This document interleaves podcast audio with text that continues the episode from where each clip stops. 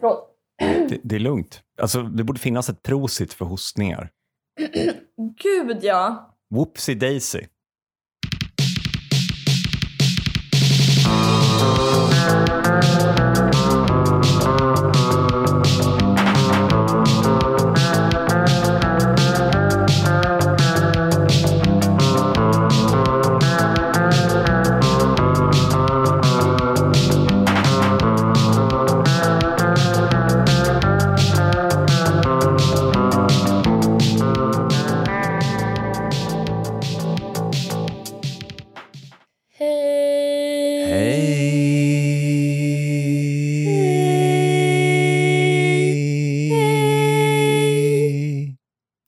Välkommen till Tusen saker med mig, Kim Johansson och Ellen Theander. I den här podden pratar vi om tusen saker som vi har skrivit på förhand i en lista under tre års tid och som slumpas fram nu med hjälp av producenten Sally. Det var någon vän till dig som beskrev det som intellektuell feelgood. Det vara väldigt smickrande. Ja, jag kan ställa mig bakom en av dem. Det, det är min målsättning att allt jag tar i ska kännas som någon, alltså någon form av amerikansk kultur från tidigt 2000. Det Som att man befinner med. sig i You Got Mail. Typ. Jag kanske mer skapar sån brittiska The Office-stämning. Och jag är amerikanska The Office. Du kanske är amerikanska The Office, ja. Ja, nej, men det låter bra. Vi, vi har fått frågor hur det här slump, slumpandet går till och eh, Sally vill inte lämna ut någon information om det. Eh, men jag har förstått att det finns, det finns inslag av slump men också inslag av bra content. Det hon försöker säga är nog att det inte är så jävla genomtänkt. Jag försöker bara inte ta så himla mycket dåligt varje gång.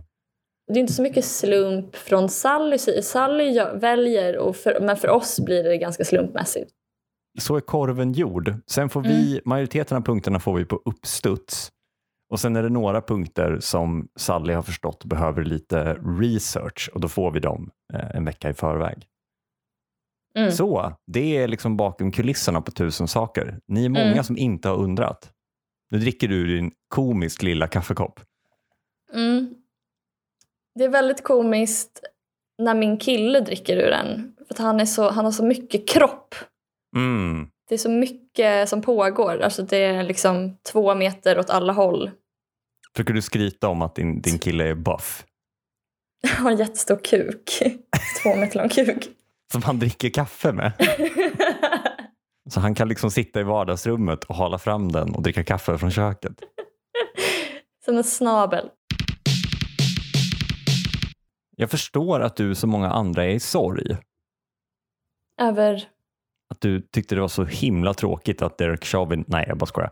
Eh, nej, ehm, Rosa mannen har ju tagits ner från Youtube. Vem är Rosa mannen? Rosa mannen är ju vår uppväxt egentligen. Alltså tidig internetperson som var besatt av att plocka upp udda kultur. Alltså sånt som producerades var en, förklar, alltså så en stor del av tv under den perioden, alltså det sena 1900-talet. Men som inte Mm. bedömdes liksom så pass viktigt att det sparades. Alltså sånt som inte hamnade i öppet arkiv. Mm. Ehm, Som en sena 1900-talets Kalle Lind då. E- Exakt, exakt. Och, och Mm. nu när han har tagits ner, då, det var i Kulturnyheterna häromdagen, så fick ju bland annat Kalle Lind uttala sig just. Men eh, Rosamannen har då tagits ner. Det är mycket tr- eh, tråkigt kan man väl tycka. Det, det var på grund av upphovsrättsskäl eh, och GDPR tror jag. Eh, det var Nent då som la in den här anmälan och Youtube valde då helt sonika istället bara för att ta ner de här tre anmälda klippen att stänga hela kanalen. Mhm. Men den här sorgen då, som jag förstår att jag delar med många, försökte jag bearbeta eller eh, förtrycka med hjälp av att lapa i mig lite gammal kultur. Eh, Mm. Och då genom de här gamla Flash-filmerna med namnet som inte åldrats sådär jätteväl, Turkhits. Kommer du ihåg det? Nej. Det handlade alltså om folk som la upp låtar som absolut i majoriteten av fallen inte var från Turkiet men av någon anledning fick heta turkhits. Och sen la man på svenska undertexter baserat på vad man Jaha. trodde att de sjöng. Mm, just det. Eh, En klassiker badboll, i badboll. Badrum, badrum. Badrum, som, som är den badrum. enda, den enda det. turkiska låten som är Ja. från början heter Bodrum, Bodrum. Sen har vi också Hatten är din, är också en klassiker. Eh, en av de största hitsen är Sovjets nationalsång på svenska som har lärt en helt ny generation av människor att, att, att kunna Sovjets nationalsång. Mm. Så att eh, jag ska nu i samröre med mig själv framföra musiknumret Sovjets nationalsång på svenska, en liten, liten del och sen så återupptar vi pratan.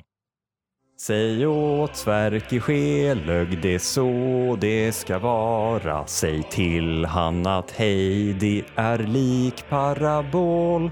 Hans far slår jämt sossar, det var en av båda. En hel grimmad måsskit sa Elsis major.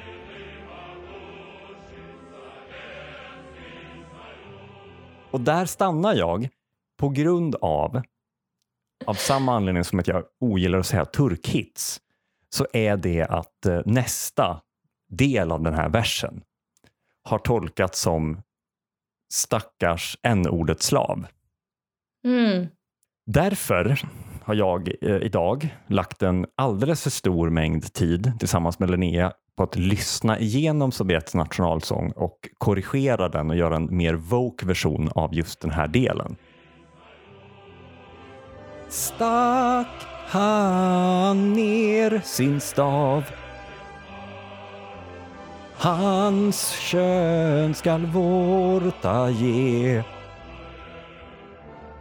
Hasch fanns i spruta, polis sprang i lag. Vilken kulturgärning. Han vars kön ska vårta ge. Det är något som ger någon kondylom Mm, med sin stav. precis. Det vill man veta vem det är. 20 år efter. I podcasten Spår, vem var det som gav någon kondylon?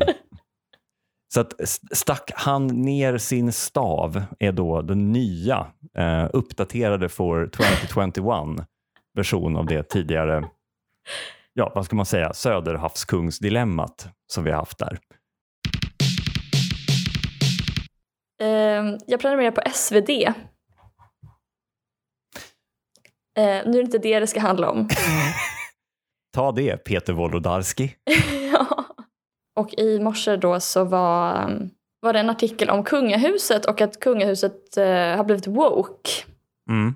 och kanske lite grann frångått sin eh, apolitiska tradition. De eh, engagerar sig i olika frågor, kanske framförallt på den här eh, Galtan-skalan då. Inte så mycket höger-vänster. Prins Carl Philip till exempel är ju engagerad emot dyslexi. Det är lite egenkärt kan man tycka. ja. Man reser en staty av sig själv eller kräver att hela samhället ska ta krafttag mot dyslexi. Eh, prinsessan Sofia har ju ryckt in och arbetat i sjukvården också under corona. Mm. Victoria jobbar med funktionsvarierade barn, va? Men vad gör drottning Silvia då? Jo, då tar de ett exempel här i artikeln. Eh, drottning Silvia har engagerat sig i sexuella övergrepp mot barn och kungen i naturen. Väldigt smal fråga. Sexuella övergrepp mot barn och kungen, det kan man ju absolut ställa sig bakom. Men i naturen? är det bara så sexuella övergrepp mot barn och kungen i, i staden? Det, det är inte viktigt, tycker Silvia. Eller sexuella övergrepp mot barn och kungen i, i tättbefolkade områden, Industriområden.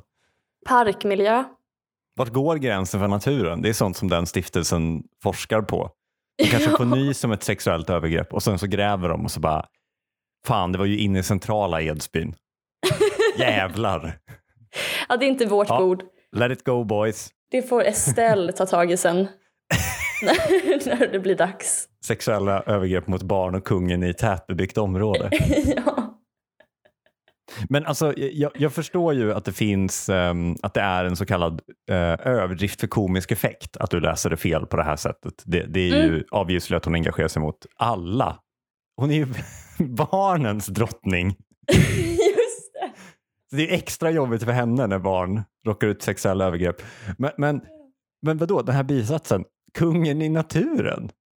Alltså är det älgen då hon är engagerad för? Sexuella övergrepp mot älgar och barn. Eller är det att hon bara är väldigt, väldigt engagerad över när liksom kungen är ute i naturen? Ja. Åh, mysigt det är när kungen är i naturen. Åh oh, gud, det här blir ännu bättre än jag hade kunnat föreställa mig. Meningen ska alltså vara att kungen, kungen engagerar sig i naturen. Jaha! Men det framgår inte riktigt. Alltså. Jag tror att de hade kunnat tjäna på att lägga in ett komma där. Men vadå, alltså, det är ju oavsett hur man vill läsa den här Ellen. Alltså, den första läsningen att hon är engagerad mot sexövergrepp mot barn och kungen i naturen, kul. Att hon mm. är engagerad mot sexuella övergrepp mot barn och kungen i naturen, eh, det är också kul. Men ja. även alltså, här, att kungen bara skulle vara engagerad i natur. Har han fått den frågan på uppstuds och bara behövt säga någonting? Att som, precis som vi nyss gjorde, liksom, någon journalist läser upp alla de andra medlemmarna i kungafamiljens olika engagemang i, i stiftelser och ideella föreningar. Och... Mm, mm. Men vad är kungen engagerad i? Och då kanske han står där lite tagen på sängen så står han med sin bössa eller någonting ute i sin jaktstuga. Ser sig omkring, grips av panik. Eh, så tar han det han, det han ser framför sig bara. Naturen. Men vi ändå fick fram fyra, fem läsningar på det. Det är så det är att ha en podd med en littvet. ja. Ja, det, man kan göra mycket innehåll på bara Du ser ett... en felskrivning och tänker det här, det här är innehåll. Ja, du är då inte emot dyslexi. Jättekul att de bara älskar att se kungen i naturen. Han är så engagerad. Hon försummar alla andra plikter. Det är så mysigt. Och se Shabo ute i skogen. Han är så glad. Nej, men jag tror att på riktigt att hon är engagerad för det. Jag såg året med kungafamiljen. Eh, och då hade de varit i sitt slott under corona, hon och kungen, isolerade. Eh, minns inte vilket slott det var. Mm. Men det var så gulligt för då, alltså Silvia, hon verkade så himla kär i kungen. Och just att de hade varit mycket ute i, i skogen då och promenerat. Mm. Eh, och då var det som att hennes ögon tårades nästan när hon tänkte på kungen i naturen. Så jag tror att det ligger någonting i det också. Ja, men jag, jag tycker vi väljer den läsningen. Det känns mm. eh, trevligast att hon skulle vara emot sexuella övergrepp mot barn i allmänhet och sen tycka att det är lite mm. trevligt att se Chabo i skogen. Ja, det, jag tror det också. Annars hade de ju lagt in ett kommatecken. Det var faktiskt genuint hemskt att se året med kungafamiljen. Alltså just det här när Silvia berättade om vad de hade gjort där i, i sitt slott och att hon hade överraskat kungen när han fyllde år genom att det kom dit en blåsorkester eller hur det var och överraskade honom. Och sen klipper de till kungen när han sitter och pratar om det här och han bara jag hatar överraskningar. Vad jobbigt att hata överraskningar och vara tillsammans med någon som har enorma finansiella och kulturella muskler. Ja, Alltså Linnea precis. hatar överraskningar men det, det, det enda jag skulle, liksom det största jag skulle kunna göra om jag ansträngde mig väldigt mycket, kanske är att skrapa ihop en studentkör som sjunger ja. utanför fönstret. Liksom. Eller som du gjorde häromdagen när hon fyllde år, att du köpte ett bröd. E exakt, jag kan köpa ett bröd. Jag var inte beredd på den här råglimpan. Skriker rakt ut. ja, förlåt. Uh, nej men uh, om uh, Linnea var ihop med drottningen av Sverige och hatar mm. överraskningar och så bestämmer sig drottningen av Sverige för att överraska Linnea nivån på överraskningen kan ju läggas på, alltså det skulle kunna vara så att Linnea vaknar och sen så kommer hon och bara du ska få provflyga JAS. Vi ska inviga Nationalmuseum. T titta, äh, Ångermanlands landshövding är här. Jag tänkte att vi skulle åka till Sápmi och fira deras nationaldag. Nu ska vi be om ursäkt Ehm. till samerna. Ja. Fan, jag som tänkte Ja. bara gå hem och pula idag. ja. Vika in i mina skjortor. Punkt 628. Min professor sa en gång litteratur kan inte förmedla idéer. Och jag tänker fortfarande på det. Intressant. Eller hur? Har du hört att Nordiska motståndsrörelsen vann emot Svenska Akademin? Ja, Eh, Svenska Akademin väckte talan mot eh, Nordiska motståndsrörelsen och sajten Nordfront för att de har brutit mot en del av upphovsrättslagen som kallas för klassikerskyddet mm.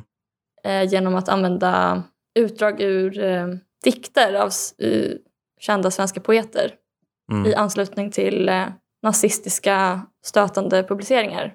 Mm. Klassikerskyddet går ut på att eh, den andliga odlingen hos ett verk vars upphovsrätt gått ut har kränkts. Mm. Men eh, Patent och marknadsdomstolen då har eh, slog fast att de inte har brutit mot upphovsrättslagen. De gjorde bedömningen att klassikerskyddet, eh, att klassikerskyddet endast går att tillämpa när verket utsatts för förändringar. Och i det här Mm. fallet, eller i de här fallen, har eh, de här dikterna eller utdragen publicerats i oförändrat skick. Mm.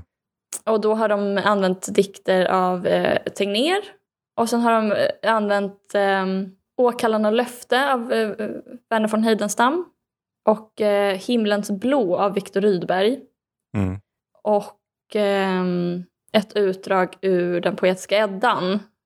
Ur Havamal då så har de tagit den här, ehm, ett känt utdrag som är så här. Fä dör, fränder dö. Även själv skiljes du hädan. Men ett vet jag som aldrig dör, domen över död man. Jag tycker de tog fel översättning. Det finns en annan som är mycket bättre. Mm. Eh, fänaden dör, fränder dö, själv dör du likaledes. Ett vet jag som aldrig dör, domen som fälls om den döde. Är det bara det här du vill säga? De kanske inte jag fälldes tycker faktiskt i att de domstol. har kränkt men, den andliga eh, odlingen att välja fel översättning.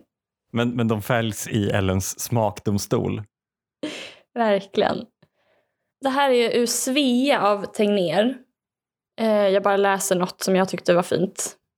Jord som mig fostrat har och fädrens aska gömmer. Folk som ärvt hjältars land och deras dygder glömmer. Ur skuggan av min dal jag ägnar dig en sång. Dig söver smickrets röst, hör sanningens en gång. Eh, Han skrev den eh, när vi förlorade Finland. Mm. Nu ska, jag, nu ska jag läsa den bästa. Åkallan och löfte då av eh, Heidenstam. Mm. Det här är så jävla starkt. Det här är en strof. Mm. Det är bättre av en hämnare nås än till intet se åren förrinna.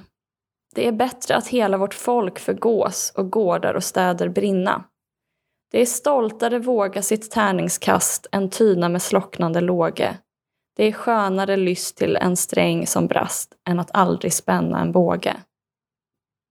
Det här, den, ingår ju, det är den sista dikten tror jag i eh, diktcykeln Ett folk Mm. från 1899. Och de har ett patriotiskt budskap. Eh, Himlens blå av Rydberg. Mm. Så för, det är först liksom skriver han om blått. Att det är en vacker färg. Mm. Du underbara dunkla klarhet och himmelska blå som leende skänker dig till mig och lyfter min själ till svara rymder och heliga stillhet. Du ljuva nirvana där badade i renhet, jag andar mig ut i oändligheten men samlad igen i en återandning. Döpt i trånad, sjunker tillbaka i jordens doft. Men den slutar med Jag känner mig din frände himlaborna till ariskt blod, det renaste och ädla. Till svensk jag vigdes av en vänlig norna. Mitt folk har till symbol av sina anor fått himmelsblått i väna barnaögon. Ja, i alla fall Heidenstam var väl nationalist, patriot och Tegnér var väl en sån här skandinavist mot bakgrund av att vi, är brödrafolk och vi har en lång historia som går tillbaka till vikingatiden. Och, men jag tror att man, äh, man var eh, liksom nationalist lite till mans.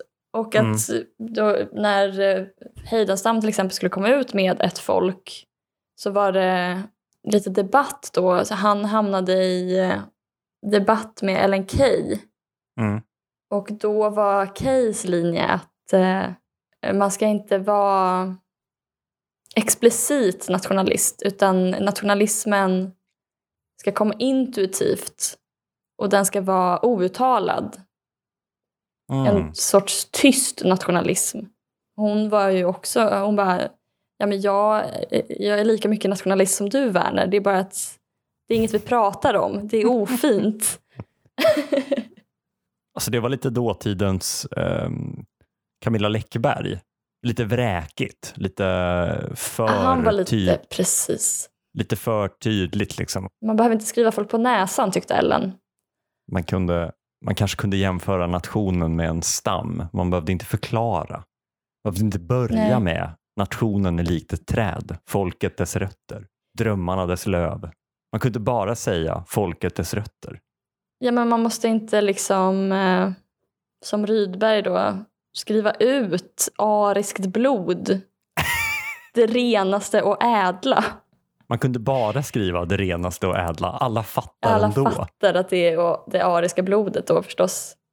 Alltså deras åsikt, deras privata åsikter hade ju kanske inte flugit idag även om Rydberg då ansågs väldigt modern och progressiv och Tegnér också tror jag.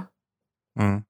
Jag, vill bara säga att en av anledningarna till att man kan läsa deras dikter är att man kan separera dem från deras politiska och personliga åsikter. Mm. För att precis som då min litteraturprofessor säger så förmedlas inte idéer i konst. Mm. Eller du kan inte stoppa in nazism i en dikt och sen plockar man, så öppnar man dikten som en låda och så kommer det ut nazism. Liksom. Mm. Dikter är liksom inte behållare på det sättet. Framförallt så tycker jag bara att det är... Jag unnar verkligen Nordiska motståndsrörelsen att läsa Heidenstam. Jättekul att någon läser Heidenstam. Jag bara ser framför mig de här bleka, deprimerade, rundlagda nazisterna med konstiga för stora skjortor och den här slipsen instoppad mellan bröstknapparna. De har precis, det liksom, precis kommit tillbaka från att ha knackat någon AFA-aktivist, tar av sig knogjärnet och slår upp Heidenstam. att de sitter där i sin mörka källarlokal. Per Öberg sitter och stryker sitt bockskägg och ehm, mm, slår upp den poetiska Eddan. Vi har också hittat eh, likheten med dig och nazisterna. Ja, men det är det som är så kul, för inte ens jag läser Rydberg eller Tegnér eller Heidenstam. Du blev liksom skolad på kulturfrågorna av nazisterna. Ah, De ägde dig. ja. Nej, men så är jag bara glad att någon axlar det. Mm. Så dels tror jag inte att så här, jag tror inte att det är så långt bort från Heidenstams egna åskådningar. Det kanske är jättekontroversiellt att säga. Men framförallt så piggar det upp att, Framförallt att piggar det verkligen upp. att att se det någon sitter- så boråsare efter att ha tagit bussen till Stockholm för att brandbomba en synagoga, hoppa på bussen hem, kanske knäpper upp eh, tolvhålskängorna och varvar ner lite med Tegnér. ja, ja. Kul för antikvariaten i Borås tänker man ju också. Ja, För inte fan har väl nazister Kindle? Det är papperskopior. man kommer hem från vad heter det, Göteborgsbombningarna. Det görs lite ICA Basic snabbkaffe. Ställs fram Ja. en, en, en sån um, fake rotting-fåtölj i svart fake rotting på balkongen. Ja, Och sen, inte eh, balkongen utan en sån tillbyggd veranda. Ja, och så en sån ljusgrön polyesterfilt. Man Ja. virar, virar, eh, virar runt benen. Så man inte liksom Från blir kall. Ikea. Precis, Ja. som är lite så elektriskt laddad. Gud, när vi säger det här känner jag så, men gud, kan man klasshata nazister? Vad är det liksom, är de mest nazister eller mest arbetarklass? De är mest nazister väl? Ja, jag tänker det. Det är väl inte synd om dem om vi här sitter och näsfnissar åt dem i våra bostadsrätter. Nej, men man kanske inte måste eh, hata dem på, på de grunderna. Att de har en fleecefilt. Ja, men det kan vara skönt, tänker jag, när man har haft en sån illasittande skjorta hela dagen, slänga på sig någon uttvättad t-shirt. Kanske ta den här fleecefilten och rulla ihop den till en liten boll och lägga i svanken. Så att man liksom får, Mm. ländryggen får bra support medan man läser. Ja, de behöver det. De har lite dålig hållning tycker jag man ser på Mm, bilderna. mm. Men det är för att de läser så mycket Rydberg. Punkt 43. Är fruns lerfigurer i Hy- Hydraulic Press Channel problematiska? Är de empowering eller förminskande av en kvinnas arbete? Känner du till eh, HPC? jag tror faktiskt att jag har sett, det är en maskin som pressar saker tills de går sönder. Ja, det, det är en, en finsk man som i sitt skjul pressar olika saker med väldigt mycket kraft i en så kallad hydraulisk press. Ja. Eh, och det kanske är så att han försöker vika ett papper fler än åtta gånger eller pressar ett batteri. Var all the rage när jag skrev det här, vilket måste vara tre år sedan, för det här är i början av listan. De då i alla fall, nu har inte jag tittat heller på länge, jag vet inte om den fortfarande är aktiv, men eh, då avslutades varje eh, program med att hans fru hade gjort eh, en lerfigur. En väldigt liksom detaljerad b- lerfigur. Kanske av så en katt eller en dinosaurie eller en cykel eller en bil eller alltså du vet så bara vad som helst. Liksom. Mm. Som då pressades och skapade en cool effekt när all lera trycktes ihop och det blev som liksom konfetti av färg som sprutade ut på sidan. Mm. Och eh, då känner jag att vi behöver problematisera det här. Är det trevligt att han använder sin upphöjda position att lyfta fram en kvinnas arbete? Hennes lerfigurer, kanske inte den, den största konstformen, får synas. Eller är det då en, en kolla på de här gulliga sakerna hon har gjort med lite gullig, gullig lera. Som nu ska Ja. pressas i den här coola, coola maskinen. typ. Jag känner bara att det, det, ja, här finns det möjlighet att bråka. Mm. Vad, vad, vad känner du? Jag la också märke till att när du berättade om hennes lerfigurer så, så bytte du till en sån puttinutt-röst. Så bara, en bil, en cykel, en katt. En liten, liten katt. En liten, liten katt. Ja, Um, ska man tolka det som en symbol för att liksom det är tyngden av patriarkatet som pressas ner över kvinnans arbete? sexism-streama. Ja, Det här är hennes drömmar, viljor och framtida pension. hennes lilla, lilla arbete. Så kallade konst. Ja, så hållbar var den. Är hon bara hans lilla like-hora? Eller finns det, finns det en genuint uppskattande i det hon gör? Men hon måste ju ha gjort dem för det här ändamålet. Men är det det kvinnor måste gå med på? Ditt arbete kan få visas om vi slår det sönder och samman. Ja, nej, annars är det jättegrovt om han har tagit det, de lerfigurerna ur hennes liksom, sängbord Utan att fråga. utan att fråga. Hoppas att hon inte märker att de förstörs på hans kanal med 300 miljoner visningar. ja, men det skulle kunna vara en del av den här Einsteins fru, Liv Strömquists seriealbumet. Ja, men jag tror att jag kanske precis hade läst den när jag skrev det här. Och det, det är ju också ett tidsdokument. Det här är ju liksom inte en... Alltså både för att Hydraulic Press Channel inte syns ju typ inte längre. Men, men också för att den typen av, av diskussioner som det här skulle kunna bli. Hydraulic Press Channel Man kommer ut som sexist för att han... Det, det, ehm, Ja, nu är vi mer framme vid att eh, en vänsterpartist sitter och gullar med nazister och tycker att de förtjänar att få läsa Heidenstam och det är helt oproblematiskt. Exakt, Nej, men det, det, vi är liksom förbi det nu. Jag kan inte ens hitta en, en vinkel. Så att ehm, Mm, ett härligt tidsdokument för alla er där ute. Mm. Ja, jag tycker det låter, alltså det, det är faktiskt intressant. Alltså det, det är ett kul format. Att ta sönder saker. Att ha sönder saker och alltså framför allt eh, kanske då ler, de här lerfigurerna. Ja, men det är som att man sitter kanske med en stickning Mm. eller med en eh, virkning och sen måste Mm. man ta upp alla öglor, alla maskor. Då måste man, man kanske gör fel och då måste man börja om Mm. från början. Alltså det är ett sånt Sisyfos-arbete att man, Mm. man håller på och gör och gör och gör små cyklar och bilar och katter. Och, men sen tar det bara en sekund för dem att pressas ihop och bli en smet. Men som de här sandmunkarna som gör målningar av sand. Kanske lägger så flera Mm. veckor på det och sen när den, precis när den är färdig så blåser de ut den. Ja, Så att den bara blandas och blir sand igen. alltings förgänglighet. Ja, det är en fräsch take, en lite spirituell.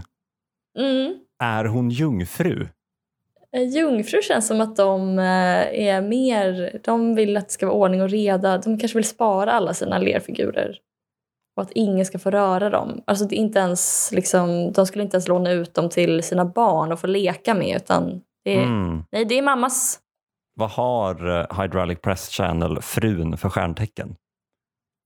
Fisk är ju konstnärlig men också emo. Vi går på det tycker jag. Då tackar vi för oss för den här veckan. Det här har varit Tusen saker med mig Ellen Theander och Kim Johansson. Vi kommer ut på tisdagar klockan sex på morgonen. Lagom till löprundan. Producent Sally Eriksson, ansvarig utgivare Ellen Theander. På återhörande. Puss och kram. Adjö, puss och kram.